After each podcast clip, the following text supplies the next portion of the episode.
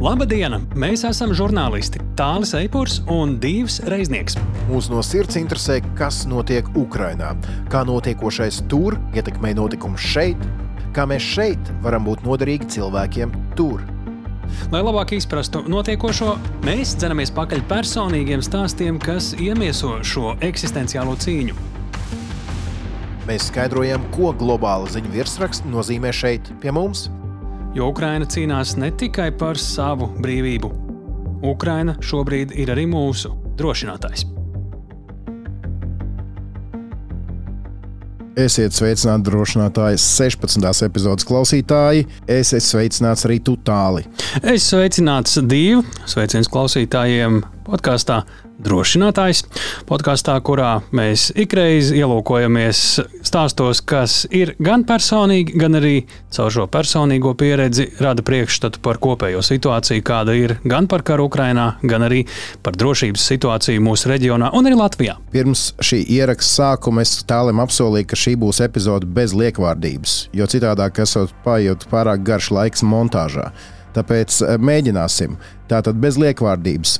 Šajā reizē lielā intervija ar. Ja godīgi, negaidīta dziļa, personiska un detalizēta saruna, un šajā podkāstā vēl nedzirdēts leņķis par kāru Ukrajinā vai uz kāru Ukrajinā un saruna ar Montu Vecozolu. Projektu vadītāja biedrībā Tavi draugi, tā ir biedrība, kas nodarbojas ar palīdzības sniegšanu Ukrainai, visdažādākās palīdzības, un mēs uzzināsim gan par to, kā darbojas šī organizācija, gan arī cik es to nezināju, grūti un smagi strādā tie, kuri tepat Latvijā vāc palīdzību un to pēc tam nogādā Ukrainā. Un ko tas nozīmē praktiski, ko tas nozīmē psiholoģiski, arī bieži būt Ukrajinā un mērot tos milzu attālumus, un arī ielūkosimies, kas notiek uz Latvijas robežas, kur ierodas ukrāņu bēgļi, kā Monte teica, kur ir mūsu vistiešākā un vistuvākā fronte šajā karā. Un ar vislielākajām problēmām. Tas pēc brīža, bet es savukārt tūlīt runāšu ar Kristīnu Bērziņu, Vācijas Maršala fonda ziemeļu novirzienu vadītāju un drošības politikas pētnieci. Mēs runāsim šajā reizē par jauno Vācijas aizsardzības ministru un Šrēdera ceturto bijušo sievu. Tāpat mēs arī uzzināsim, kādas diskusijas jau šobrīd par Ukrainas atjaunošanu norisinās Vašingtonas un Briseles gaitiņos. Kā arī ko sagaidīt no ilgi gaidītās Ukrainas aizsardzības kontaktgrupas kārtējā sanāksmes Ramsteinā, kas šajās dienās pulcē vienu vietu aizsardzības ministrus un augstākās militāra personas no valstīm, kas atbalsta Ukrainu.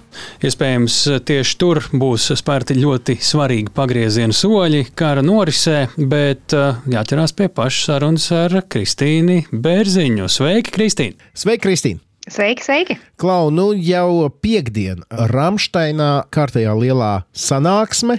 Ko mums no tās sagaidīt? Lielajām valstīm būs jāparāda to, ko viņas tagad ir gatavas iedot Ukrainai.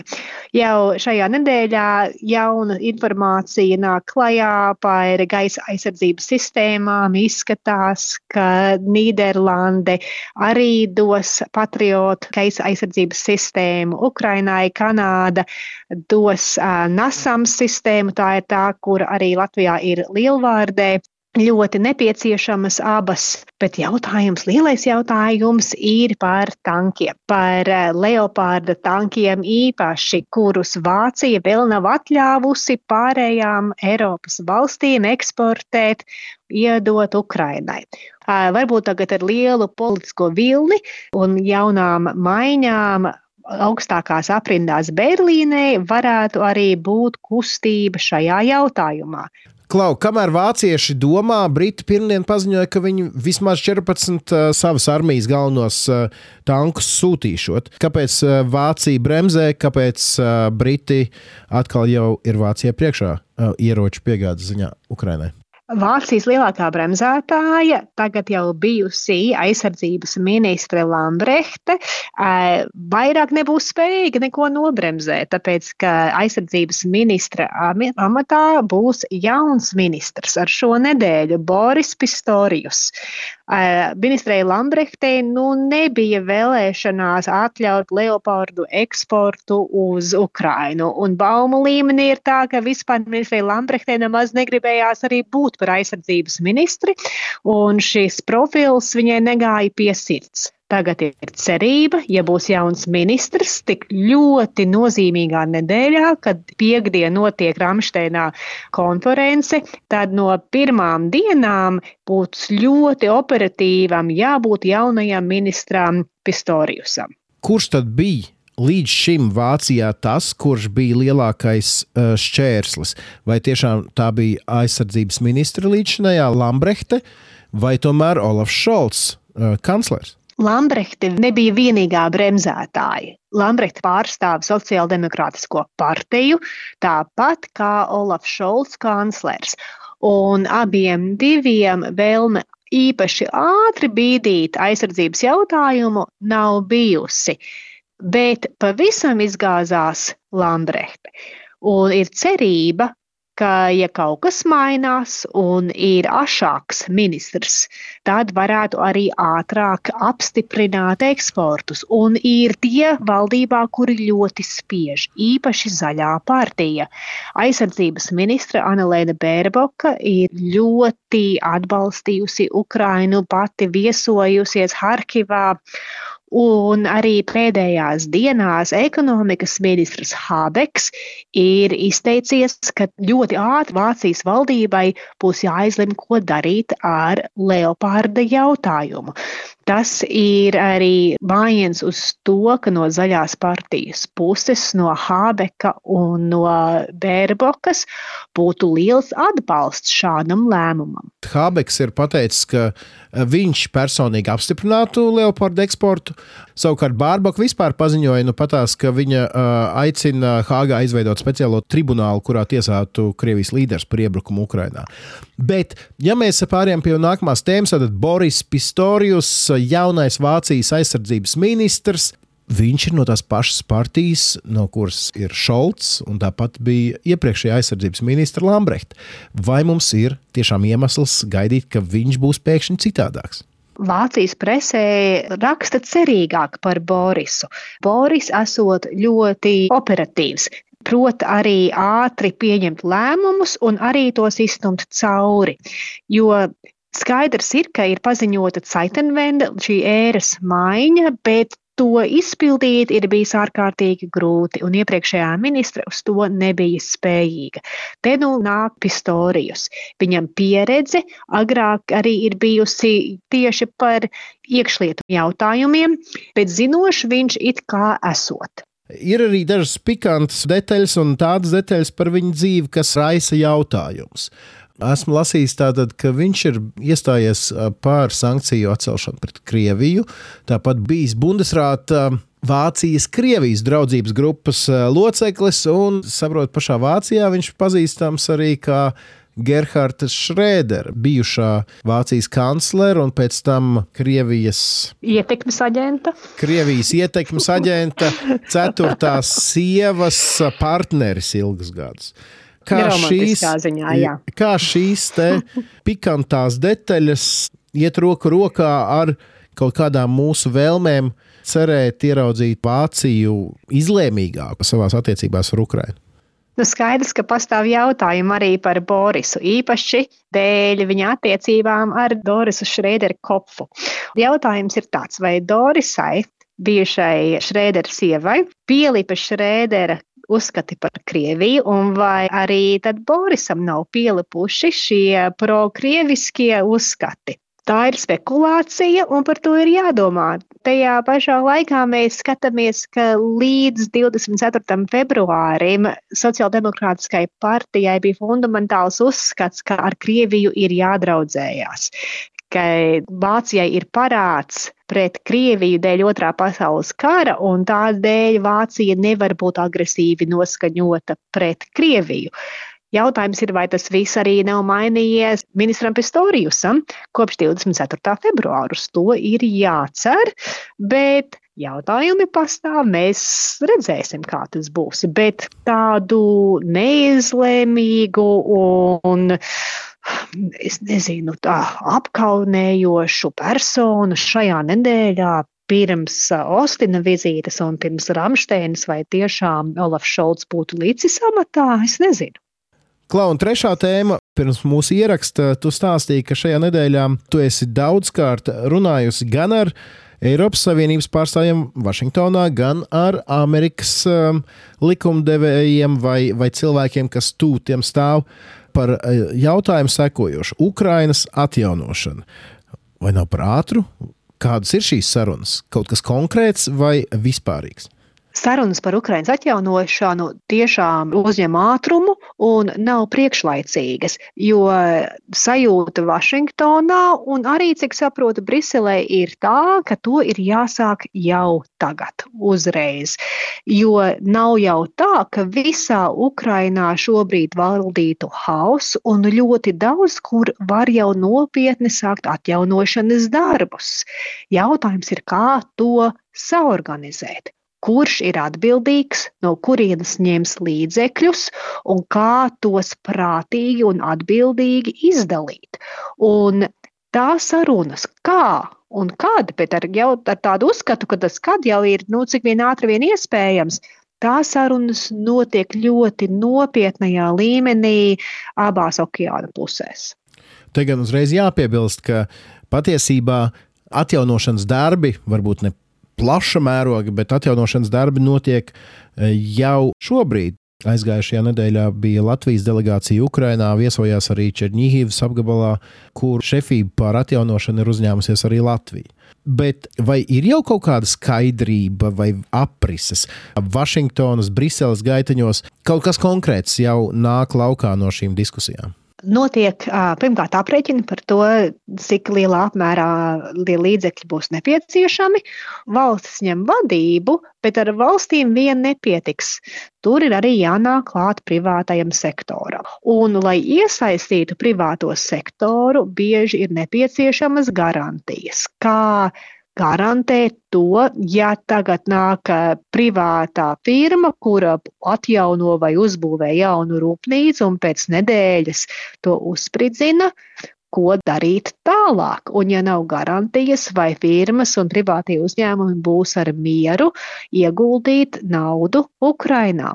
Tagad, kā izdomāt procesu, kurā garantē vai kaut kā iedrošina privāto sektoru atgriezties Ukrainā, ieguldīt naudu Ukrainas izaugsmē, tas būs ārkārtīgi svarīgi.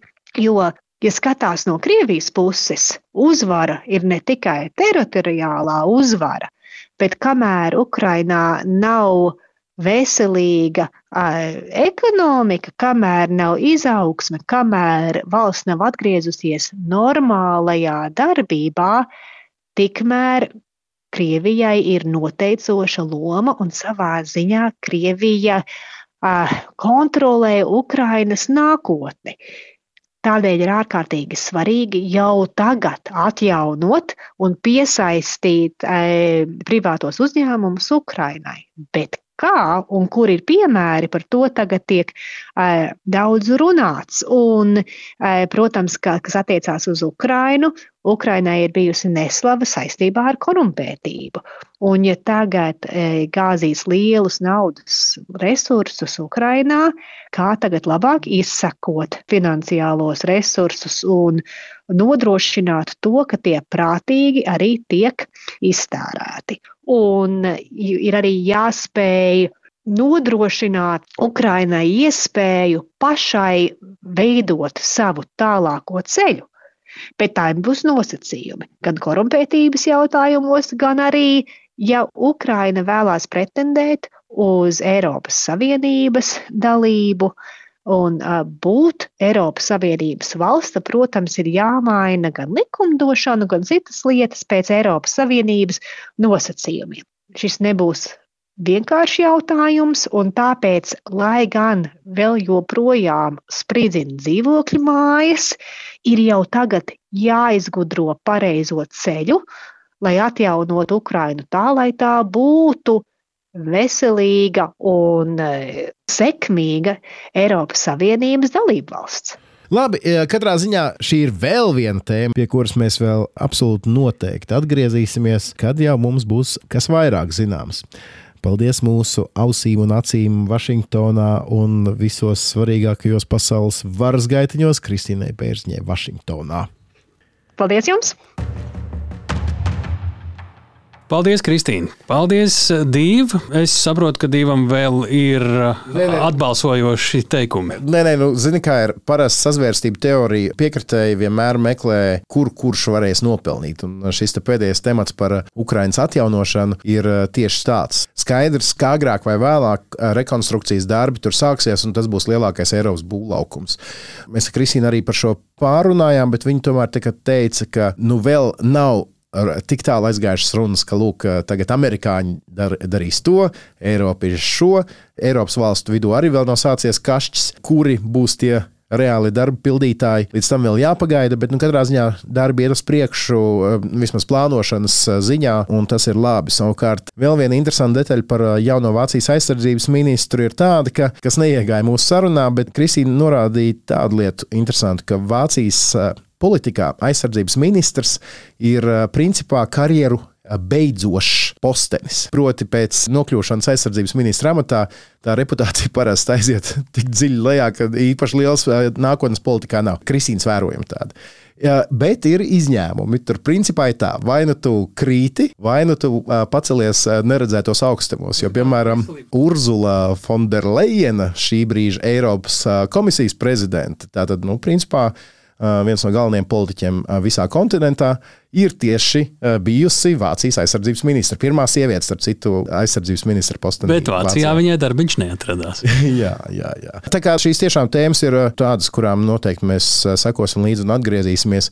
Tik tālu par lielo politiku un, un šiem politiskiem lēmumiem. Es saku, ejam atpakaļ pie cilvēkiem. Kā Tā pavisam pie zemes un realitātes. Nu, dienu. Mont neapvainojas, ka viņš saka, pavisam pie zemes un pie tevis. Tātad. Jā, divas pieminēja Montu Vecozolu. Nu, pat, jā, nu, tik tiešām šī laikam varētu būt, ja ne pati, tad viena no garākajām sarunām, kas mūs sagaidīs tagad podkāstā drošinātājs. Tagad kaut 16... kā sagatavini mūsu klausītājus. Jā, bet jāsaka tā ar Montu, es jau tagad varu pateikt, ka es varētu ierakstīt vēl kādas septiņas tikpat garas sarunas, un man nevienu brīdi nekļūt mazāk interesanti. Kāpēc jūs iespējams Es ceru, paši e, sapratīsiet, un es saku tā, ka tas e, tiešām ir podkāstu drošinātājs esence. Ir gan personiski, ir gan par lielajām lietām, un ir arī kaut kādas tādas praktiskas lietas, kas var noderēt tieši jums, klausītāji, īpaši, ja mēs runājam par palīdzību Ukrainai un palīdzību šeit no Latvijas. Tātad Montevēts Ozola, viņa ir projektu vadītāja biedrībā Tavi draugi. Tā ir biedrība, kas dažādos veidos piegādā palīdzību Ukrainai. Monta atgādinās sarunā arī precīzāk. Un pati arī viņa ir devusies uz Ukrainu vairāk kārt, vedot palīdzības kravas, un viņa arī ir darbojusies, kā viņa pati saka, mums vistuvākajā frontes līnijā Latvijai. Tas ir uz Latvijas-Krievijas robežas, uzņemot tos bēgļus, kuri no Ukrainas un ļoti bieži arī no Ukrainas tieši austrumiem un okupētajām teritorijām caur Krieviju nonāk Latvijā un dodas tālāk. Un Viņai ir ļoti daudz stāstu, ļoti daudz stāstu, ļoti daudz pieredzes šajā ziņā, tūlīt jau gads. Un, Nu, katrā ziņā, tad, kad tāls man iedeva noklausīties šīs intervijas eh, melno versiju, tikko ierakstīto versiju, es to klausījos, vadot bērnus uz skolu un atpakaļ, un vēl nosēdēju pie mājas 20 minūtes mašīnā, lai pabeigtu klausīties, jo bija tiešām, tiešām ļoti interesanti un man liekas svarīgi dzirdēt šo sarunu. Nu, protams, pēc sarunas varat eh, ieiet Montes vecozols vai arī Instagramā mani sauc Monta eh, profilā un tur jau pasakot līdzi viņas gaitām, eh, es domāju, ka jūs vēl pēc podkāstu tur pavadīsiet tikpat ilgu laiku, jo tur tas saturs arī ir iespaidīgs, plašs, dziļš, vispusīgs, klātesošs Ukrainā jo īpaši. Nu, katrā ziņā var klausīties tāļu sarunu ar Montu un tikmēr skrolēt Montes Instagram. Bet, nu, ko klausāmies pašu sarunu un iepazīsimies ar Montu, jo viņa izrādās pirms tam viņai nav bijis faktiski nekāda sakara ar Ukrajinu vai ar palīdzības organizācijām. Tas viss sācies ļoti strauji. Labdien, Monta! Sveiki! Kas tu esi, Monta? Kā tu pati teiktu? Jo mēs Tev jau labu brīdi sekojam kā cilvēkam, kas palīdz Ukrāņiem gan Latvijā, gan Ukrajinā, bet uh, tas ir tikai pēdējā gada stāsts. Es uh, zinu, ka es esmu vēl pirms Krievijas iebrukuma Ukrajinā, kad es pats biju Maskačkas pusē, iegriezies vienā otrā ēstuvē, kas, uh, kā es tagad skatos, izrādās arī ar tevi ir vienā vai citā veidā saistīta. No kādas vides tu nāc vēl pirms mēs ķeramies karam Ukrajinā klāt? Jā, pēdējos sešus gadus pirms kara, ja tā var skaitīt, Tā es arī īstenībā skaitu savu dzīves kaut kādu gājumu. Es esmu darbojusies ēdināšanas nozarē, padziļināti dažādos konceptos, formās. Es sevi vispār dēvētu par entuziasti, tādu ēdināšanas kultūras entuziasti. Bet tā nomaiņa gan īsti nebija kaut kāds kara iemesls. Tas mans lēmums nedaudz tā teikt ņemt pauzi, tas jau bija bišķīt pirms kara sākuma bet tā iesaistīšanās tieši tādā līdzdalībā, kara seku, ja ne gluži novēršanā, tad mēģinājumā ietekmēt. Tad tas gan jā, nāca ļoti apzināti, ļoti mērķiecīgi un principā jau ar kara pirmajām dienām. Tev pirms tam bija jebkāda saikne ar Ukrajinu? Nē, ar Ukrajinu pilnīgi nekāda. Nekad nebija Ukrajinā bijusi. Man tur nebija ne draugu, ne radu, ne paziņu. Bija daudz dzirdējusi, ka tā ir valsts, kur ir jābrauc ceļot, kur ir apskatis vērta, kur ir ļoti viesmīlīga tauta, kur ir ļoti daudz ko darīt. Nekad kaut kā nebija sanācis, un kas interesanti, tagad tinot tādu laiku atpakaļ, es atceros pirms kaut kādiem tiešām daudz gadiem, nezinu, desmit vairāk. Mums ar draudzeni bija tāds joks, ka mēs vienos Ziemassvētkos vienu otrai uzdāvinājām autobusu biļetes uz Ukrainu, bet mēs šai ceļojumā neaizbraucām. Es neatceros precīzi, kāpēc neaizbraucām, bet nu, tas bija tā tāds joks. Man Ukraina bija attālāka kaimiņu valsts uz kartes, par kuru bija dzirdētas labas atsauksmes, bet es nekad tur nebiju bijuši. Ne. Kas ar tevi notika un ap tevi notika 24. februārī vai tajās dienās? Sāksim ar to. Nu, īstenībā ir tā, ka es tiem procesiem sekoju diezgan intensīvi pirms vispār karš sākās pētīju procesus, klausījos visādas analīzes, ļoti centos saprast, kāda ir sabiedrības attieksme Latvijā, ko man draugi par to domā, ko man ģimene par to domā. Mēģināju šo tēmu cilāt balītēs ļoti neveiksmīgi un saskāros ar diezgan lielu neizpratni un es pat teiktu tādu nu, noraidījumu no saviem apkārtējiem, kas man lika arī domāt, vai es gadījumā neesmu vienkārši paņēmusi kaut kādu smagu tēmu pasaules kontekstā un vienkārši nemēģinu burbuļu drāmu līdz ar prognozēm. Un, uh, konkrēti ap 24. bija Kanārijas salās ar uh, mērķi ceļot tālāk uh, uz Portugālu, Spāniju. Un, uh, vienreiz dzīvē bija nolēmusi paņemt lielāku pauzi, bišķiņu paceļot. Un tad tā mana doma bija tāda, ka es atgriezīšos Latvijā vai nu tad, kad beigsies nauda, vai tad, kad sāksies karš. Un tad bija šis 24. februāris. Pamodos agrāk par saviem ceļu biedriem un um, izlasīju ziņas. Sākumā tas bija tāpat tāds šoks un raudāšana un um, ļoti emocionāla tā diena bet uh, mani draugi tikmēr aizbrauca sērfot, un kamēr viņi bija projām, tad es jau biju savus lēmumus pieņēmusi un atcēlu biļetes, ko es varēju vēl atcelt, un, un pārskatīju savus konta atlikumus un, un uh, nolēmu braukt mājās. Darīt ko? Nu, darīt to, ko es varu izdarīt. Nu, tajā brīdī man nebija skaidrs, ko es varu izdarīt. Es nesapratu, kā iesaistīties, es nezināju, pie kā vērsties. Es sāku diezgan intensīvi vienkārši skatīties visas iespējamās biedrības un linkus un pildīt visas brīvprātīgo anketas. Man liekas, es nezinu, es pieteicos visās iespējamās anketās. Tas, ka es nonācu biedrībā, tavu draugu bija pilnīgi nejaušības, nevienu tur nepazinu. Viņa tajā brīdī bija jau eksistējoša biedrība, kas bija ļoti maziņa, ar ļoti mazu kaut kādu sociālo tīklu kontentu, bet tur es pamanīju, ka viņi kaut kur brauc, kaut ko dara. Un tad es domāju, labi, ok, un es, es atceros ļoti spilgti, atceros, kā es Malagā, sēdēju Mal Malagā lidostā. Un divas stundas pirms braukšanas uz Latviju sēdēju, vēl domāju, nu, kā, nu, ko es protu, kāds ir tas mans potenciālais pienesums. Tā arī sēžot, es domāju, no, ok, nu, es zinu ēdienu. Un ko tie cilvēki ēd, ko ēd brīvprātīgie, kas tam robežām notiek, varbūt tur vajag tējas, kafijas un tā tālāk. Un tā ideja bija pilnīgi neko nesaprotot, bez jebkādas pieredzes. Bet tas, ko es izdarīju, uzrakstīju biedrībai tev draugi tieši tādu jautājumu, kāda ir jūsu ikdiena vai kāds baro brīvprātīgos, ka tas ir mans iespējamais pienesums, kas varētu uzrunāt uzņēmumus, ēdinātājus. Varbūt es varu kaut kā palīdzēt ar tādām lietām. Un tad tā vīzija ļoti ātri izauga. Es jau biju tur gatava meklēt elpas un braukt uz polijas robežu un vēl sazinu, ko darīt. Bet um, tas izpalika, jo poļi to izdarīja ļoti ātri. Un 1. martā es nolaidos Rīgā, un 1. marta vakarā es jau biju biedrības tev draugu angārā. No tā brīža ar katru nākamo dienu tur braucu katru dienu. Sākumā darīju jebko, šķiroju drēbes, pakoju kastes, mēģināju saprast, ko vispār viņi dara. Pavadīju tur garas dienas un ļoti ātri arī sāku iesaistīties kaut kādos organizatoriskos jautājumos. Kādi cilvēki tie ir? Kas viņi ir, tie, ar kuriem kopā jūs esat? Tavos draugos, tajā kodolā, visticamāk, jau tā var teikt ir tādi nebeidzami empātijas kamoli, kuriem pašiem ir bijusi kaut kāda saikne ar Ukrajinu vai līdzīga veida darbībām iepriekš, kā tu teiktu? Tas īstenībā ir savā ziņā kaut kāds fenomens, tā biedrība kā tāda, un tas, ka, kā tas viss sākās, tas savadot kopā pilnīgi svešs cilvēks no ielas, katru ar kaut kādu citu nozari, ar citu skatījumu uz lietām, ar citu pieredzi, ļoti dažādi raksturi, ļoti dažāda uh, vispār skatījums uz lietām. Bet tas vienojošais sākumā tā bija tā vēlme palīdzēt, un tā ļoti lielā kopējā sāpe. Vismaz man bija ilgstoši tāds posms, ka tev nemaz īsti neinteresēja, kas tie cilvēki ir ārpus. Tev neinteresē viņu uzvārds, tev neinteresē viņa izglītība, tev neinteresē, ar ko viņi nodarbojās. Tev interesē tikai tas, ka jums šajā brīdī interesē kopīgi šis. Cilvēki arī nu, ir tiešām ļoti dažādi. Kādam sāp konkrēta nozara vai tēma, kādam sāp viss kopumā.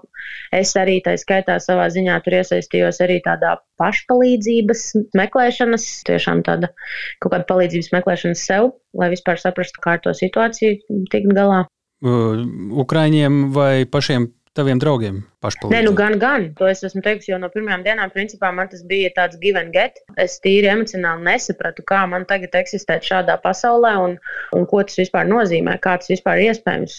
Un, lai nejuktu prātā, sēžot mājās no tās visas informācijas, kas gāžās, tas bija tik smagi un grūti. Un, un tad tie bija tie cilvēki, tā bija tā vieta, vide, kur tu varēji gūt arī kaut kādu, ja ne gluži mierinājumu, tad vismaz no to līdzdarbošanos atrast to jēgu un kaut kā saprast konkrēti, kā es spēju ar to situāciju tikt galā.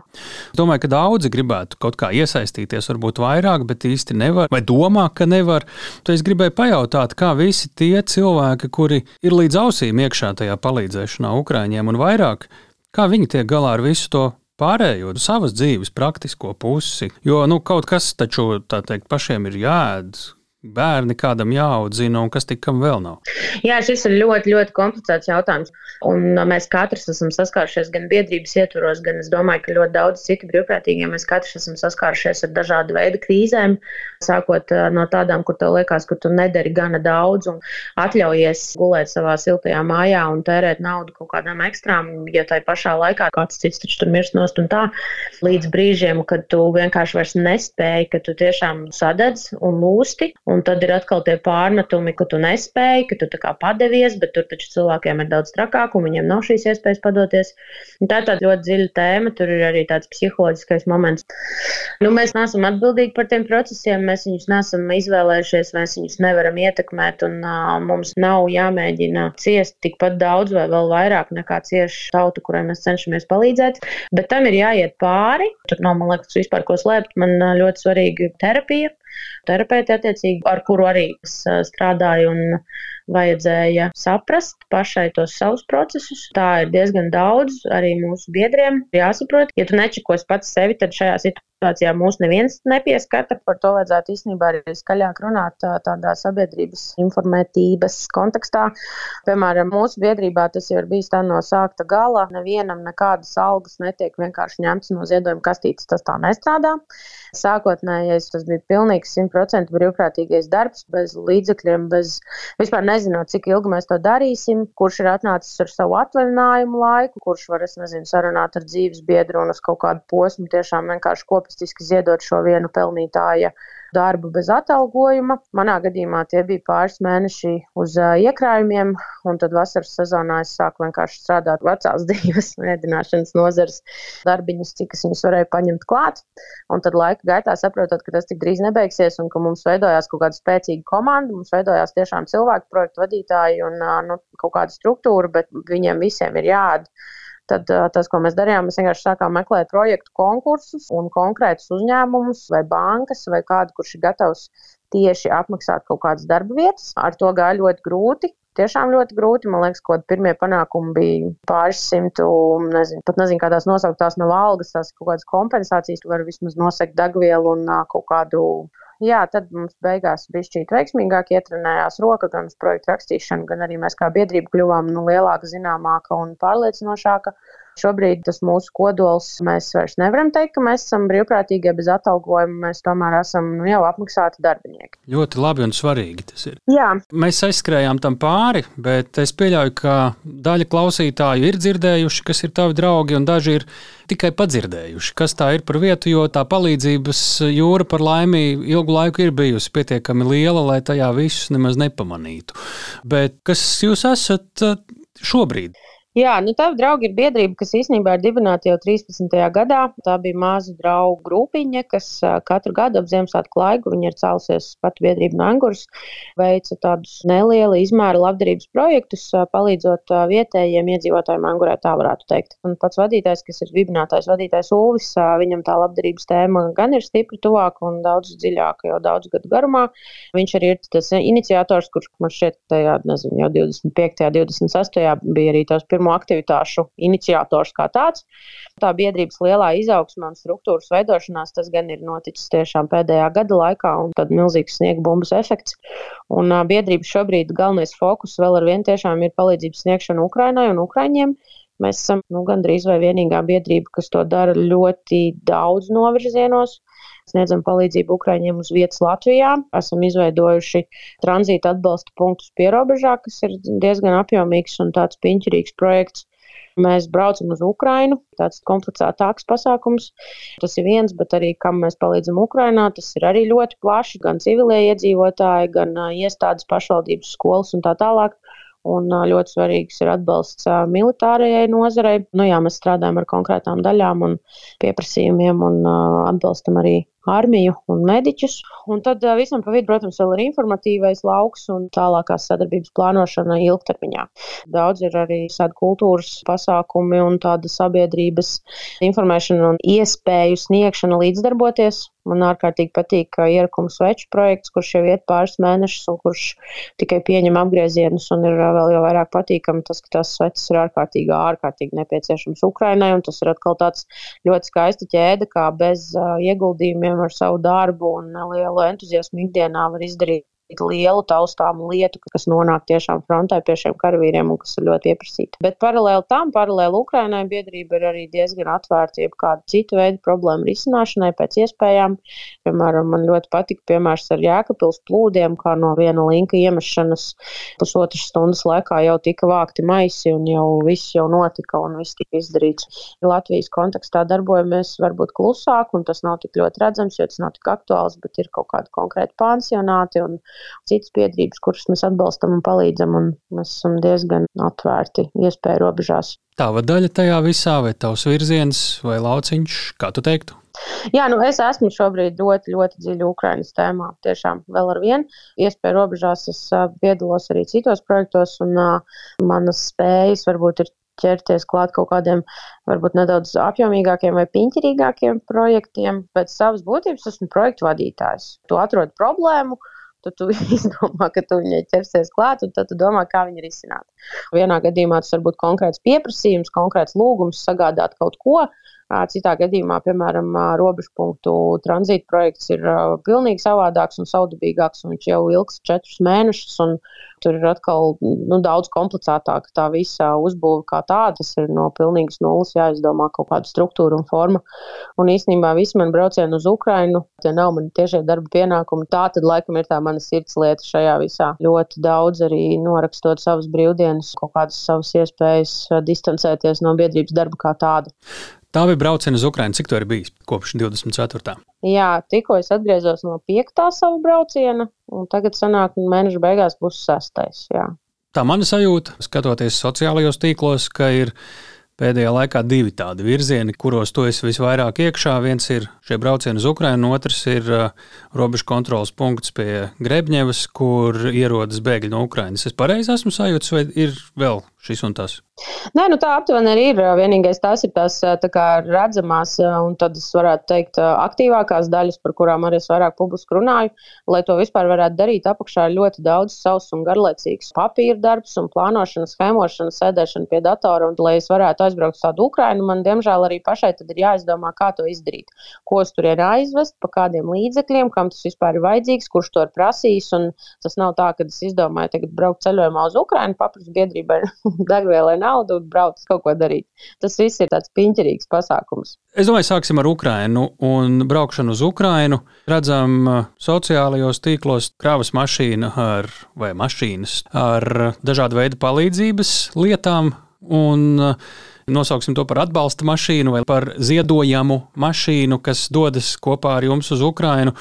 Ko jūs tur tieši darāt, kā notiek tā braukšana un arī process tajā galā? Jā, nu, principā viss sākas ar pieprasījumu. Tā to sauc arī oficiāli, kurš atnāk pie mums no Ukrainas. Viņš var atnākt no pašvaldības, viņš var atnākt no kādas citas biedrības, viņš var atnākt no kādas partnerorganizācijas, no armijas daļas, no privāti kāda konkrēta karojoša cilvēka. Tad mēs viņam atkal lūdzam tomēr doties uz savu daļu un tad sagādāt šo oficiālo pieprasījumu.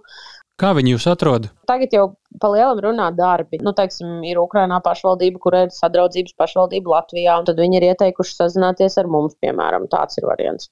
Nu, tie bija tādi sākuma kanāli. Vai, piemēram, labdarības organizācijas Ukrainā, kuras izteikti vienkārši meklē visus iespējamos partnerus un kontaktus kaimiņu valstīs. Tagad tādus regulārus palīdzības sniedzējus arī Ukrainā zina. Un uh, Latvija ir ne tikai nu, biedrības vai nevalstisku organizāciju kontekstā, bet vispār Latvija tādā palīdzības sniegšanā. Mēs jau visi zinām, jūs arī par to esat ļoti daudz runājuši, ir diezgan uh, nu, zināma un līdz ar ko pieprasījumi vienmēr ir vairāk nekā viņas spēj izpildīt. Uh, viņi ir ļoti dažādi. Tad, attiecīgi no tā, kādus mēs viņus saņemam, mēs arī saprotam, ko darīt. Nav tā, ka mēs varam izpildīt visu, ko mums paprasa, bet mums var paprasīt ļoti daudz dažādas lietas. Līdz ar to arī tie braucieni ļoti atšķirās. Jā, ir tādi, kur mēs arī dzenam, teiksim, automobīļus tikai armijai. Tad ir, kur pamatu brauciens ir pati fūra, 33 paletes ar ziedojumiem. Pārsvarā fūras mēs sūtām ar humanitāro palīdzību, kas ir attiecīgi civiliedzīvotājiem. Citreiz fūrām mēs braucam līdzi, citreiz nebraucam. Tas vienkārši tie braucieni ir arī diezgan dārgi. Tur ir katrs eiro un kilometrs ir jātaisno. Tas nav tā, ka vienkārši gribās aizbraukt, pabraukāties. Tad ir braucieni, kur mēs braucam ar kravas busiem. Tie parasti ir nedaudz specifiskāki. Armijai, piemēram, fūrus mēs neesam spējīgi nosūtīt, tur mēs braucam ar kravas busiņiem.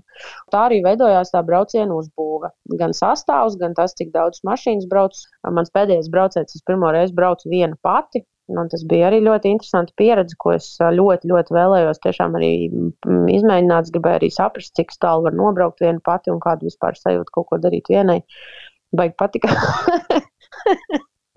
ļoti patika, tiešām ļoti laba pieredze, jauns fails. Un, principā, ja sākumā mēs braucām tikai un vienīgi ar mērķi ātri iebraukt valstī, atdot, nodot un doties projām, tās savas 15, 18 stundas, ļoti garš ceļš līdz Ukrainai, lai pavadītu tur 3-4 un brauktu ārā. Tad tagad jau, protams, braucot dziļāk un tālāk, tad pa vidu ir nepieciešams bišķiņ no tās mašīnas izkāpt. Tagad jau tie braucieni kļūst garāki. Pavadam vairāk laika Ukrainā. Plus, protams, arī veidojās jau kaut kādi kontakti un, un draugi un laiks, ko gribās pavadīt kopā, un tas vairs nav tik ļoti steidzīgs iekšā un ārā process. Tagad es saprotu, ka šausmīgi daudz dažādu mazo nianšu, kam jūs ejat cauri. Un, jā, tālāk. Tu nonāc Ukrajinā, brauc milzīgus attālumus, un tie ceļi ir kā nu kurā vietā. Kas ir tas, ko mēs šeit, Latvijā, skatoties uz to palīdzību, ko mēs vispār neiedomājamies, ar ko saskars tie cilvēki, kuri brauc tādos braucienos? Jā, nu, zini, tas laikam atkal ir atkarīgs ļoti no paša braucēja. To var darīt arī diezgan komfortabli ar nakšņošanām un viesnīcām un daudz apstāties un ēst kafejnīcās. Un to var darīt vairāku šoferu sastāvā uz maiņām un, un uztaisīt to par tādu eiro tripu uz ne Eiropu. To var darīt arī brutālāk, tiešām pieejot tam kā darbam. Īpaši laika taupības nolūkā mūsu braucieni nav turistiski un mums nav šīs ekstra dienas, ko vienkārši atpūsties un, un tas uzdevums uzdevums ir tiešām darbs. Un īsnībā tas arī ļoti iet kopā ar tādu emocionālo sajūtu, to visu darot.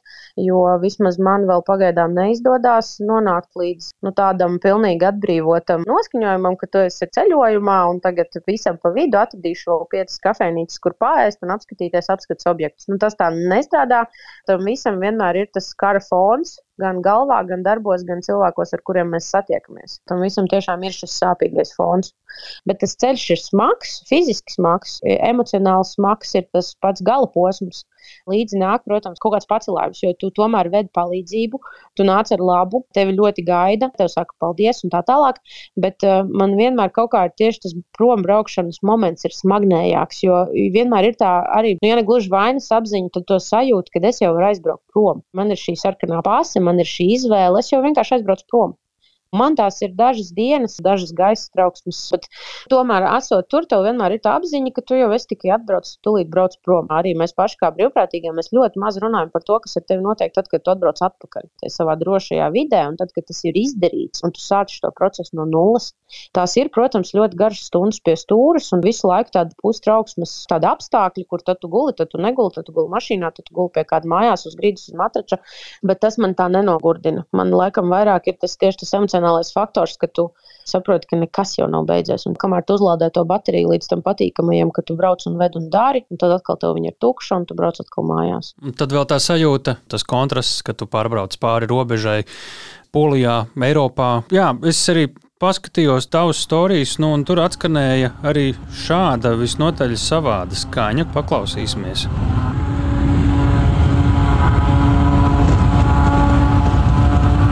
Man izklausās tā, it kā kaut kur kāds drons lidot vai lidmašīna maziņa, tu noteikti atpazīsti to skaņu.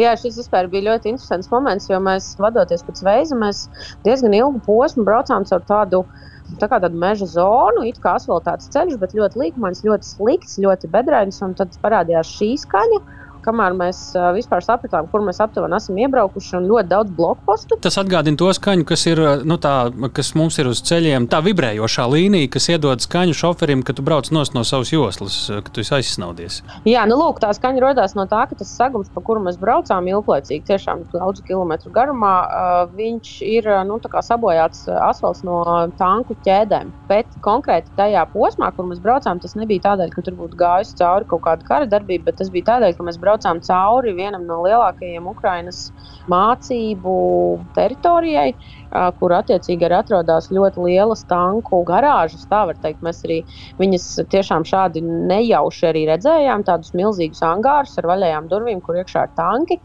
Nu, viens tāds tanks ir 50 tonnas, un tas ir gigantisks, vispār gigantisks agregāts. Un, un tā, šīs 50 tonnas ar tām kāpuru ķēdēm pārvietojās pa asfaltam, acīm redzot, regulāri, tad tas ceļš kļūst šāds.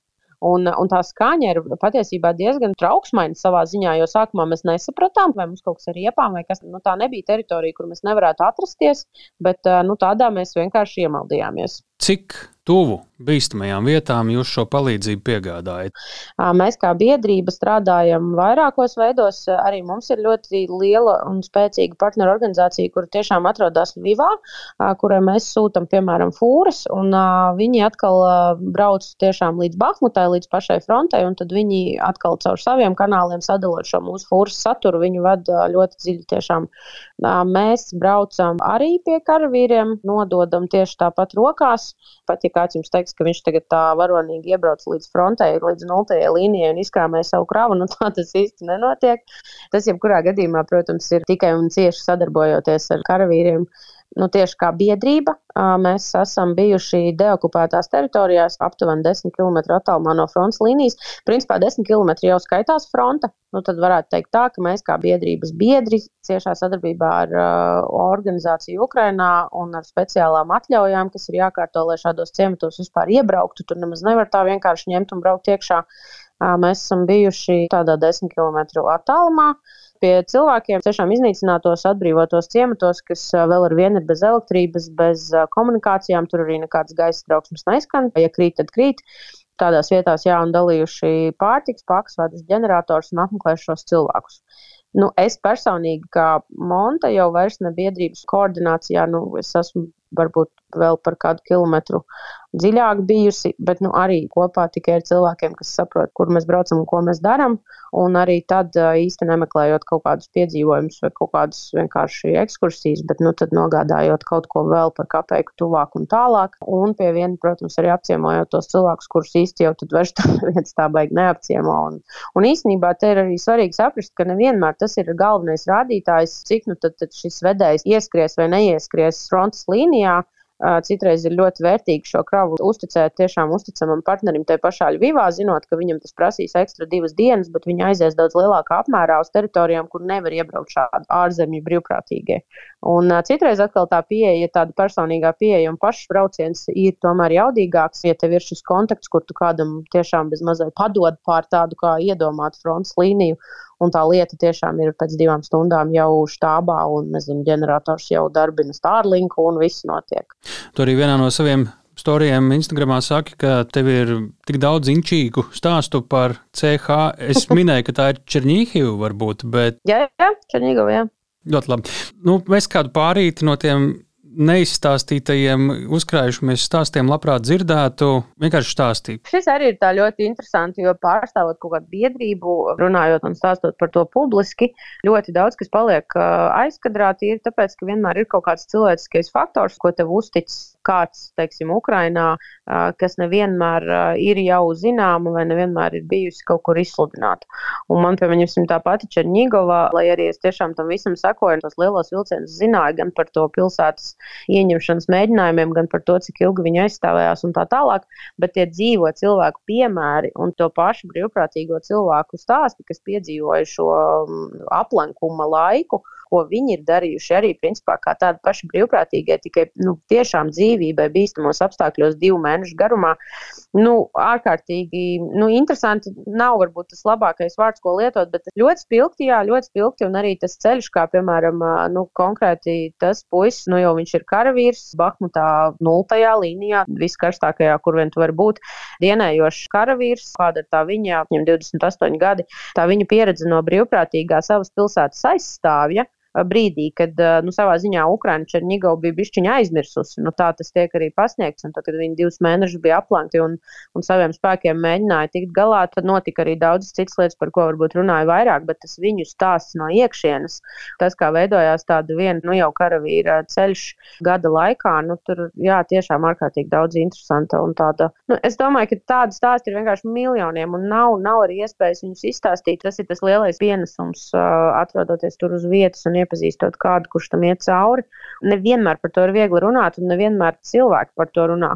Divus braucienus atpakaļ man bija arī tāda ļoti man pašai emocionāla pieredze, jo mēs nakšņojām Bučā lai arī šobrīd tā ir atbrīvota un gana mierīga un nu, pa lielam atjaunojās.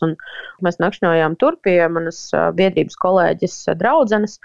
Un tas bija tā ļoti, ļoti emocionāli, jo mums nu, visi zina, kas ir buča. Un tad atrasties tajā pilsētā un nakšņot pie šiem cilvēkiem mājās un it kā mēģināt uzturēt kaut kādu sarunu pie tējas krūzes, kur tev sprūst katrs jautājums kaklā, un tu nevari, nu, tu nevari viņu, nu, tu ne, nu, tas vienkārši nenāk ārā. Nu, nav formāta, kādā par to īsti runāt. Un tad tā paša brauciena laikā, tad, kad es dzirdēju šo stāstu par Černigovu, uh, es izlasīju faktu, ka, principā, ja Černigova nebūtu atbrīvota, tad tā būtu nākamā buča vai irpiņa, bet viņiem izdevās kaut kā ātrāk to pāraut, un tas izvērtās savādāk. Un tev to stāsta tiešām, es nezinu, cilvēks, kurš tam ir visam dzīvojis līdzi un aktīvi darbojies, un pēc tam aizgājis tālāk karot. Un tad burtiski pēc dienas viņš uzraksta, ka viņš ir nu, iesaukts un mobilizēts uz, uz Bahmutu. Elas caurumu zemes virsū, un, un tagad tu šo, zini, ka šis dzīvais cilvēks, tad viņš tagad dodas prom uz šo Bahmutu, nu tad gan kaut kā sasals, tas nezinu, asins uz trīs sekundēm un, un, un aizsitās elpa. Bet ir otrs virziens, par ko mēs sākumā spriedām. Tas ir projekts ar Latvijas-Krievijas robežu, kurš uh -huh. bēgļi no Ukrainas, ļoti iespējams no okupētajām teritorijām. Robeža, kur ir ar ļoti smagu situāciju Krievijas pusē, nebūtu ne ar vieglu situāciju arī Latvijas pusē. Jā, šis ir komplicēts projekts. Tas ir vispār gan mūsu biedrības, gan uh, gribu palīdzēt bēgļiem biedrības koprojekts. Kā mēs vispār pie viņa nonācām, tas arī notika ļoti spontāni neplānojot, un tieši tā, kā tas diemžēl notiek šajā nozarē. Par robežu punktiem jāsaka tā, nu, mums ir robeža ar Krieviju, to mēs visi zinām. Tas, ka tur iet cauri tranzīta bēgļi, tas bija zināms, un mums laiku pa laikam nu, kāds uzdeva jautājumu, kas tur notiek, un kāds arī atbildēja, nu, ka kaut kas jau notiek, bet vienmēr bija tāda kaut kāda neskaidrība, neko nevarēja īsti saprast. Un tas bija rudens, tas jau bija septembris, un beigās šī neskaidrība kaut kā radīja tādu vieglu satraukuma līmeni. Abu biedrību vadītāji, kas ir Evīna no Gribu palīdzēt bēgļiem, un mūsu, mūsu vadītājs vienā dienā vienkārši tā arī izdarīja, iekāpa mašīnā un aizbrauca vienkārši uz robežu paskatīties. Viņi vēl nebija īsti tikuši atpakaļ līdz Rīgai, kad uh, Ūs rakstīja, ka nu, viss slikti. Ka tie cilvēku masas, kas nāk pāri, ir samērā lielas, un ir rudens, un ir augsts, un tā situācija ir diezgan dramatiska. Un tie cilvēki Krievijas pusē tiek turēti pat līdz diennaktīm, vienkārši ārā uz ielas gaidot rindu, lai viņi ar kājām šķērsot šo robežu. Un tad tas trakākais ir tas, ka viņi tagad pārnāk pāri un nokļūst no šajā Eiropā un Latvijā. Un, diemžēl tie mūsu robežu punkti ir uh, pilnībā neaprīkoti, tādi tranzīta, kargo, fūru punkti, kur nekā nav. Un, diemžēl tā situācija bija dramatiska. Vasarā kaut kā šiem cilvēku masām neviens īsti nepievērsa tik lielu uzmanību. Tas arī bija tas, ko mēs uzreiz mēs sapratām, ka tur ir kaut kas jādara un tur ir jābūt uz vietas.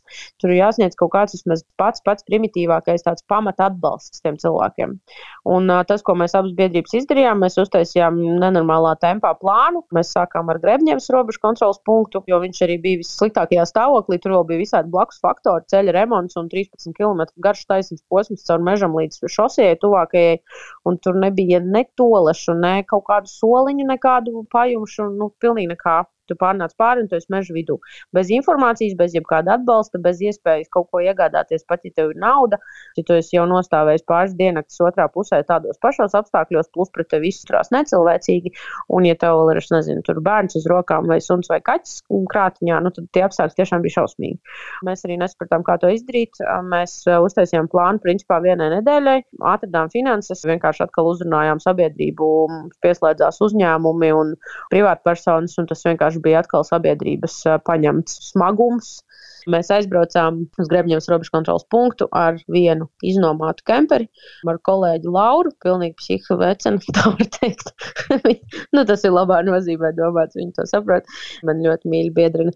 Un uh, aizbraucām divatā pie stūras tam kemperim, nolikām viņu un tad mēģinājām saprast, ko vispār tagad ar šito darīt un kā tiem cilvēkiem palīdzēt un kas tur ir vajadzīgs, kas nav vajadzīgs. Un tā ir arī viena no manām noteikti spilgtākajām pieredzēm, jo, ja varētu tā teikt, ja mums Latvijā ir kara frontes līnija, tad es teiktu, ka nu, vēl dziļāk par šiem robežu punktiem ir grūti iesaistīties. Tā ir pati fronte, pats pirmais tiešais un kailais kontakts ar šiem bēgļiem, kas nāk pāri. Tas sākums bija tiešām šausmīgs, jo viņi bija ļoti šausmīgā stāvoklī, viņi bija emocionāli un fiziski ļoti novārdzināti, un bija rudens un augsts un lietus. Šausmīgi, es tagad pilnīgi to atcerējos, un kaut kā mēs to izdarījām. Abas šīs biedrības kopā gribu palīdzēt bēgļiem, atkal ir ļoti tāda nu, lielāka pieredze, un viņi ir labi orientēti orientējās arī vispār politikā un tā tālāk. Un mēs atkal esam tāda ļoti ātri reaģējoša brigāde, ugunsgrēku dzēsēji. Tad saliekot šos visus spēkus kopā, tad mums izdevās neapstāties pēc nedēļas, atrast finanses. Diemžēl finanses neatradās Latvijā, neatradās mūsu ministrijas maciņos um, un, un neatradās pie tiem, kur kā, prasītos. Mazliet ir jāiestarpina. Jā. Uh, mums bija saruna ar Indru Sprānci, Latvijas radio speciāla korespondente Kijivā, un šī bija tā lieta lieta, ko viņa uzsvēra, kā ļoti grūti saprotamu. Tieši Latvijas valsts attieksme pret tiem bēgļiem, kuri ierodas no Ukrainas pāri Krievijas-Latvijas robežai šeit, Latvijā. Un mēs varam paklausīties arī, ko Indra teica. Man liekas, forši, ka tie cilvēki, kas ir tikuši ārā brīnumainā kārtā no Ukrainas austrumiem un tagad caur Krieviju dodas ceļā caur mūsu robežām, ka mēs viņiem nespējam palīdzēt cieņpilni. Man vajag sāpīgi uz to skatīties, un es patiešām gribētu saprātīgāku reakciju uz to visu un situācijas nopietnību sabiedrības apzināšanos un praktisku rīcību, lai to visu savest kārtībā. Un ko varētu vienkārši izdarīt un kaut kādas tādas paralēlās realitātes. Nu, lūk, tā, tā saka Indra, un es to dzirdu arī tevis sacītajā. Jā, nu man, nu, redz, ko es pati subjektīvi par to domāju. Man vienkārši liekas, ka savā ziņā šie tranzīta bēgļi, nu, vienkārši tā, ja godīgi, nevienu neinteresē, jo viņi taču brauc tikai cauri. Un nevienu neinteresē, nu, viņi aizbrauks, viņi iebrauc un aizbrauc. Tā arī patiesībā ir, jo 90% no šiem šo robežu čērsojošiem bēgļiem viņi tiešām ir tranzītā. Viņi palielam visi ir no okupētajām teritorijām. Tur, protams, ir arī kaut kāds procents, kuri nu, ir jau šajās okupētajās teritorijās, Krievijas tūmā dzīvojuši apzināti, bet viņi tomēr ir Ukraiņi ar Ukraiņu pasēm. Un, un tad ir vienkārši ļoti liels procents tiešām šausmīgi, šausmīgi sirdlosošu stāstu un dažādu iemeslu, kāpēc tik ilgi, kāpēc tikai tagad, kādā formātā, kāpēc pa daļām. Un bez mūsu varbūt klātbūtnes un bez tā, kas tagad ir četrus mēnešus piedzīvots un kāda informācija ir apkopota un kas ir izpētīts, vienkārši šādas informācijas nebūtu. Neviens arī nesaprastu to tendenci un plūsmu kā tādu. Un kādēļ viņiem neviens pirms tam tiešām neuzskatīja par vajadzīgu pievērst uh, uzmanību valstiskā līmenī un kāpēc uh, tam netika jau konkrēti saknē paredzēti līdzekļi, zinot, ka mums ir šāda robeža Un šie cilvēki tur ir nākuši visu laiku. Viņi nesāk nākt tikai septembrī. Prieks par visiem, kas ir mūsu uzklausījuši, kas ir izlasījuši mūsu vēstules, kas ir ar mums tikušies klātienē. Gan nu, jau bijušais ministrs, jaunais nav vēl ticies, bet nu, bijušais bija jau atlidojis ar helikopteru uz robežu punktu. Jā, mēs tur pat pastāvējām blakus viens otram un, un pašausminājāmies, cik šausmīgi, šausmīgi, ka nav pat soliņa, kur apsēsties. Nekas pēc tam nenotika. Nu, nekas arī nav noticis šobrīd. Mums ir kaut kādi mutiski solījumi un vienas kopsēdes protokols, kur kā nu, mums ir pierādījums, ka vienreiz mūs uzklausīja. Nav nekas vēl beidzies, nekas nav arī izdarīts. Visas finanses un visu šo, šo punktu uzturēšanu šobrīd sēdz ļoti lielā mērā vēl ar vienu sabiedrība, brīvprātīgie, vietējie iedzīvotāji, ziedotāji. Un galvenais fondējums nāk no poļu organizācijas. Viņiem pietika gan finanses, gan sajēgas, kāpēc tas ir vajadzīgs gan priekš savām robežām, gan nu, jau arī, diemžēl, priekš mūsu robežām. Tāds uh, briesmīgs piemērs tam, kā tas NVO sektors uh, savā ziņā pat nevis lāpa robus, bet izcēlām gaismā kaut kādu šausmīgu neglītu lietu, kuru iespējams neviens arī nebūtu risinājis visu šo laiku, ja tur kāds nesāktu godu vārds mirt tajos grāvjos un salt ziemā nost. Es tagad neatradu pēc tam to ierakstu, bet šķirstot, es atceros, ka tāds bija. Tu secināji, ka ir daudz cilvēku, kuri kaut kādā ziņā izvairās no tā Ukraiņas stāsta savā dzīvē, neskatās uz to pusi. Un ka tev būtu ko ar viņiem parunāties, vai vismaz pajautāt, un mēģināt saprast, un pat nelasot nekādas morāles. Es nezinu, vai tu atceries pati šo savu ierakstu, vai vismaz zini to savu sajūtu. Ko tu par to vari pateikt par šo tēmu? Jā, nu, laikam jau tā pavisam godīgi es nevaru teikt, ka es varētu tā brīvi parunāties, jo mana tā nostāja ir samērā, ja ne karavīga, tad diezgan skaidra. Un tā mana interese par to, kā no tā vispār var distancēties, varbūt robežojās ar vairāk tādu kā neizpratni. Es ļoti cenšos nevienu nenosodīt, es tiešām ļoti cenšos nevienam nemoralizēt un nevienam nemācīt dzīvot, bet es nespēju saprast, kā šo var laist pāri un kā var eksistēt paralēli tā, it kā nekas nenotiktu. Te pašā laikā es piekrītu, ka katram ir sava forma, kā atbalstīt vai kā līdzdarboties vai cik daudz. Nav nekādas kvotas, kas visiem būtu jāizpilda. Jā, man cilvēcīgi nav saprotams, kāds var neskart ikdienā. Tā ļoti sensitīva tēma un tāda ne, ne visās ballītēs ceļama tēma un, un ne visā draugu lokā lokā m, apspriežama. Tāda tieši konfrontācija es tiešām izvairos, un es arī ar savu pieredzi varu tikai dalīties, es varu tikai motivēt un censties iedrošināt un kaut kā uzmundrināt un aicināt, un mūžīgi aicināt. Un, un tas ir tas debīlais un briesmīgais blakus, es nezinu, pienākums, kas mums nākas, ir visu laiku kādam kaut ko lūgt un aicināt un skaidrot un mēģināt tur pamatot, kāpēc tas ir vajadzīgs. Un, un pie tā ir šausmīgi jāstrādā, jo nu, arī es, piemēram, kā cilvēks, es pēc dabas es neesmu lūdzēji, es esmu devēji. Un man ir grūti, nu, lūgt priekš kāda cita ir stipri vieglāk, bet tas formāts kā tāds visu laiku būt tajā lūdzēju lomā, viņš ir ļoti grūts, ļoti smags. Viņš ir Ukraiņiem smags, viņš ir mums smags, viņš ir visiem, kuri kaut ko lūdz, tas ir smagnēji. Man tas nav īsti saprotams, kā tam var paiet pāri, tāpēc savā ziņā man būtu interesanti varbūt dzirdēt šos viedokļus vai, vai kaut kādus šos mehānismus, kā cilvēks var vispār, es nezinu, arī informatīvā tādā laukā, kā viņš spēj dzīvot un kā tas viņu neskar. Tu esi ceļojusi šajā gadījumā, nu jau var teikt, arī Ukrainā, bet arī pirms tam tai pašā Krievijā, ja es nekļūdījos, vērojot. Šobrīd tā situācija ir ļoti, ļoti melnbalta. Daudz uztverē, kā tev ar to melnbaltumu iznāk tik galā. Tu iepriekš jau raksturoji to savu attieksmi. Tev droši vien ir ļoti daudz informācijas arī par to, cik nemelnbalti vai cik nebalti ir arī Ukrāņi dažādās nozīmēs. Mana paša sajūta ir, ka šobrīd par Ukraiņas trūkumiem ir klusāk jārunā, jo tas var ļoti kaitēt palīdzēšanai Ukrāņiem. Protams, ka nekas nav tikai melns vai balts, un, protams, ka Ukraina nav tikai balta, un Ukrainai pašai ir tik ļoti daudz iekšējie procesi, kas arī man šobrīd nav vispār saprotami. Reizēm tie ir tādi absurdi, ka man gribās dusmās vienkārši atrodoties Ukrainā, teikt, ka, ja, vat, ja šitas tagad apstiprināsies, es te vairs vispār nebraukšu. Nu, es nezinu, konkrēts piemērs ir nesen es uzzināju, cik ļoti ir pacelta īre partneru organizācijai telpu nomai, kur viņa vispār neko nepelna. Tā ir bezpējas organizācija tikai, kas nodarbojās ar ziedojumu piesaisti un izvadāšanu tālāk. Un kā tur tie cilvēki brīvprātīgie strādā un kā viņi tur nu, cenšas to visu izdarīt. Un tad, kad es uzzināju, kādas summas viņiem plēš par noliktavu, kurā viņi strādā, un ka viņi ir spiesti samazināt telpas, nu, man bija nu, tiešām nu, tā, ka tev sāk tās asins vārīties. Un liekas, kā tas vispār iespējams mūsu valstī, mūsu Latvijā, mūsu angāram īpašnieki mums pirmos trīs mēnešus vispār neprasīja īri, pēc tam mums prasīja, es teiktu, neadekvātu mazu īri, un viņi arī šobrīd vēl ar vienu ir viens no lielākajiem mūsu atbalstītājiem, pilnībā izprotot situāciju. Un tur tu aizbrauc uz valsti, kurā notiek karš un klausies šādus stāstus.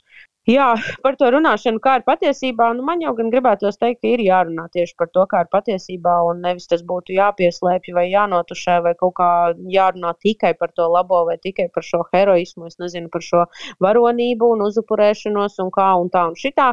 Tas, protams, varbūt nāk par labu ziedojumu piesaistē, un tas palīdz iežēlināt tos, kas ir tādi vairāk pasīvi atbalstītāji, bet um, es tā vairāk laikam esmu par godīgu informāciju visās pusēs. Tādēļ arī man pašai ļoti interesanti klausīties tieši karavīru stāstus, kā vispār notiek visa kara darbība, kara darbības uh, organizēšana, ar kādām problēmām viņi saskarās, un, un viss tas sašutums un neizpratne, un, un visi jautājumi, tik daudz jautājumu no viņa puses, kur uh, man, protams, nav nekādā veidā nevienas atbildes, bet ja viņiem esmu esot frontes līnijā, nav atbildes, tad, tad, protams, ka tur ir jautājumi arī tālāk. Tas man šķiet arī pilnīgi normāli. Tie ir milzīgi procesi. Tas karš kādam, jebkurā gadījumā, kādā brīdī ir arī, diemžēl, izdevīgs, un tam visam apakšā ir arī nauda un tā tālāk. Un, nu, tur var ļoti dziļi iet. Es gribēju vēl vienu lietu pajautāt, kura veida palīdzība ir tā, kura varbūt no sabiedrības pietrūkst visvairāk šobrīd, visgrūtāk lūdzamā, visgrūtāk pieejamā, vislielākais prieks, ka kāds to izdara. Nu, līdz ar ziemas iestāšanos, ja mēs tiešām par tādu praktisku palīdzību runājam, tad līdz ar ziemas iestāšanos un līdz ar visu energo punktu bombardēšanu Ukrainā un ar nodarītajiem postījumiem visgrūtāk šobrīd tiešām ir kaut kā mēģināt cilvēkiem palīdzēt tikt galā ar siltumu un elektrību un tādu tehnisko nodrošinājumu. Un tas, diemžēl, tās ir lietas, kas vienkārši prasa brutālu naudu. Tie ir ģeneratori, tās ir sildlampas, tie ir dažādi elementi, kas vienkārši maksā naudu tad es vienkārši visus aicinātu katru mēnesi no savas algas kaut kādu summu vienkārši brutāli ziedot. Vienkārši naudu. Otrs, kas ir vieglāk, un tas arī ļoti vērtīgi, jā, ir ziedot lietas, kas tev jau ir un kuras tev vairs nav nepieciešamas, kas nav attiecīgi nekāds izdevums papildus, bet tā ir iespēja palīdzēt. Bet tā nauda ir tas, ko ir arī, arī ar vien grūtāk un grūtāk piesaistīt, un kas vienkārši ir šīs lietas, ko mēs nevaram noziedot. Mums nav mājās visiem 5 kW ģeneratoru. Tā ir. Mēs viņus nevaram vienu atdot, palikt paši ar vienu, mums tāda nav. Un trešais, kas ir vienkārši ārkārtīgi svarīgi, kas neprasa neko, tā ir elementāra dalīšanās ar informāciju, sekošana līdzi ar atbalstīšanu Un pat ja tu nevari noziedot pats, tu vari šo informāciju palaist tālāk, tu vari kādam citam padot, un tu vari pastāstīt par savu pieredzi. Un, nu, mēs arī kā biedrība ārkārtīgi novērtējam katru, kurš nošēro šo postu vai kurš ieliek savu pieredzi, kurš pats ir bijis pastāstīt, kā viņam tur gāja. Un tas ir ļoti vērtīgi. Un citreiz liekas, nu, cik tu tur var tur šērot un laikot un spaidīt, un taču visu laiku viens un tas pats, bet tas ir arī ļoti jūtams mūsu pusē. Nu, cik ļoti var palīdzēt vienkārši dalīšanās ar informāciju. Un nobeigumā mums bija ļoti liels prieks dzirdēt, divus arī atsūtīja pretī sirsniņu, tad, kad es aizrakstīju, ka tu esot podkāstu drošinātājs klausītāji. Mēs ļoti silti par to sajūtāmies. Un, Es mēģināšu tev ļaut uzminēt pēdējo jautājumu. Uzminēt pēdējo jautājumu. Es, es, es sākšu, varbūt, ko lai mēs tev. À, novēlat, ko lai jūs man novēlat? Um, Zinu, kā laikam es teiktu, tā novēlat man tiešām labu veselību. Ja man nesabruks veselība, tad viss pārējais man ir kārtībā, un tad es varēšu darīt visu, ko es daru, un, un to, ko jau es māku labi darīt, tas ir jēdzīgi, un tad man arī ir enerģija darīt jaunas lietas. Garīgā veselība, fiziskā veselība, vienkārši ir laba veselība. To es arī novēlu visiem citiem. To var man novēlēt. Monta, lai tev laba veselība! Paldies! Paldies, Mīķis, tiešām! Un visiem pārējiem arī, kas klausās podkāstu. Mēs sakām tev ļoti, ļoti lielu paldies un novēlam izturību arī visiem taviem biedriem. Novēlam izturību arī visiem, kas klausās un kaut kādā veidā iesaistīsies, kaut vai noklausoties šo epizodi. Jā, paldies!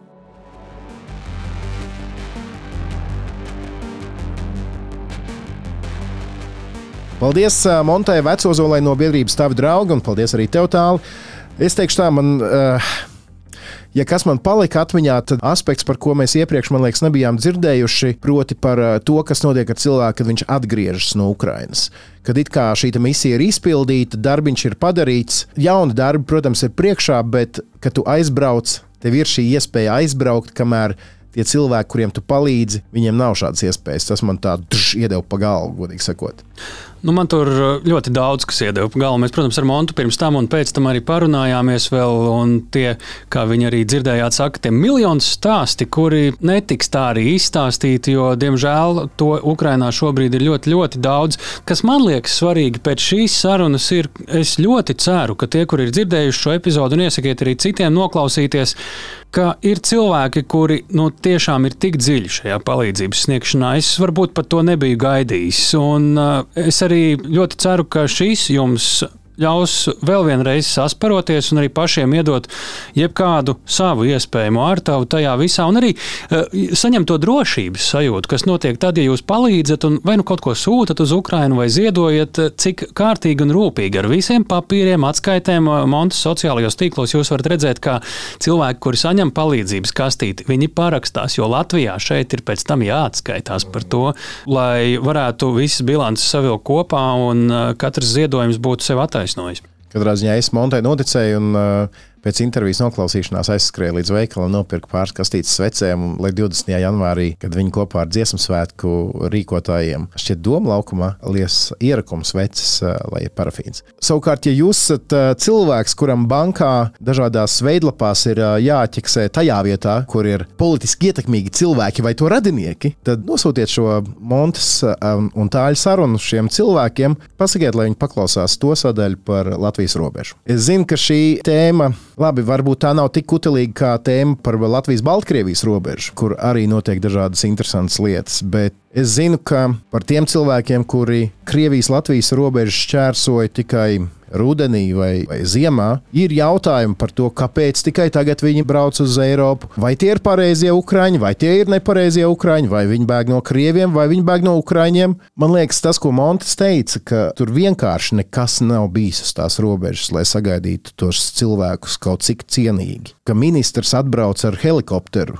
pašausminās, pasaka, ka jā, nav labi bet būs, un nekas nenotiek. Nu, tas liek asinīm vārīties, un mums ir jauns ministru kabinets, lai ņem un darās. Nosūtiet saviem radiniekiem, prasiet saviem deputātiem, kurus jūs esat vēlējuši, ministriem, kas mūs pārstāv, lai viņi brauc ar helikopteru, laivu vai velosipēdu vai kemperi uz to robežu. To var, protams, izdarīt uh, brīvprātīgie, bet manuprāt, ka pie valsts robežas jau nu varētu valsts parūpēties par to, lai mēs uh, cilvēku cienīgi uzņemtu tos cilvēkus, kuri bēg no kara šausmām lai brīvprātīgiem būtu brīvas rokas darīt kaut kādas citas lietas, ko varbūt valsts nevar izdarīt. Nu, un, protams, ja jūs esat tāds uh, cilvēks, uh, kuram uh, klausīšanās varbūt traucē pamatdomu un patīk pašam par visu pārliecināties vai pašai, tad noteikti gaidiet drīzāk agri nekā vēlu LSMLV. Visu sarunu ar Montu Vecozolu varēs arī izlasīt, un tur arī, protams, klāt pa kādai bildei, kādai klātienes liecībai no viss tā, ko Monta pati ir piedzīvojusi. LSMLV tur arī viss mūsu iepriekšējās intervijas ir čakli un rūpīgi atšifrētas un izlasāmas. Savukārt, ja jums ir kādi komentāri par to, ko jūs esat dzirdējuši, tad rakstiet mums e-pasta adresi drošinātājs Latvijas Rādio LV lietojiet hashtag drošinātāju sociālajos tīklos, un mēs labprāt dzirdētu no jums kaut ko, kādu komentāru, ieteikumu, un nospiediet to sekošanas pogu tajā straumēšanas vietnē, kur jūs mūs šobrīd klausāties, jo tad jūs dzirdēsiet visas nākamās epizodes, tad mūs pamanīs arī citi vēl vairāk cilvēki. Un katrā ziņā man liekas, ka tādi stāsti, kādu mēs šodien dzirdējām, ir pelnījuši to, lai tos sadzird arī vairāk cilvēku. Tas arī viss šai reizei. Šī bija drošinātājs 16. epizode. Sakam jums visu labu! Un atcerieties, drošinātājs skaidri un personīgi par karu Ukrajinā. Raidieraksts drošinātājs.